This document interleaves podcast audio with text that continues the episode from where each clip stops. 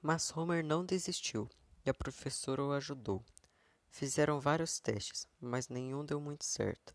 Apenas um que foi lançado, mas com um destino incerto.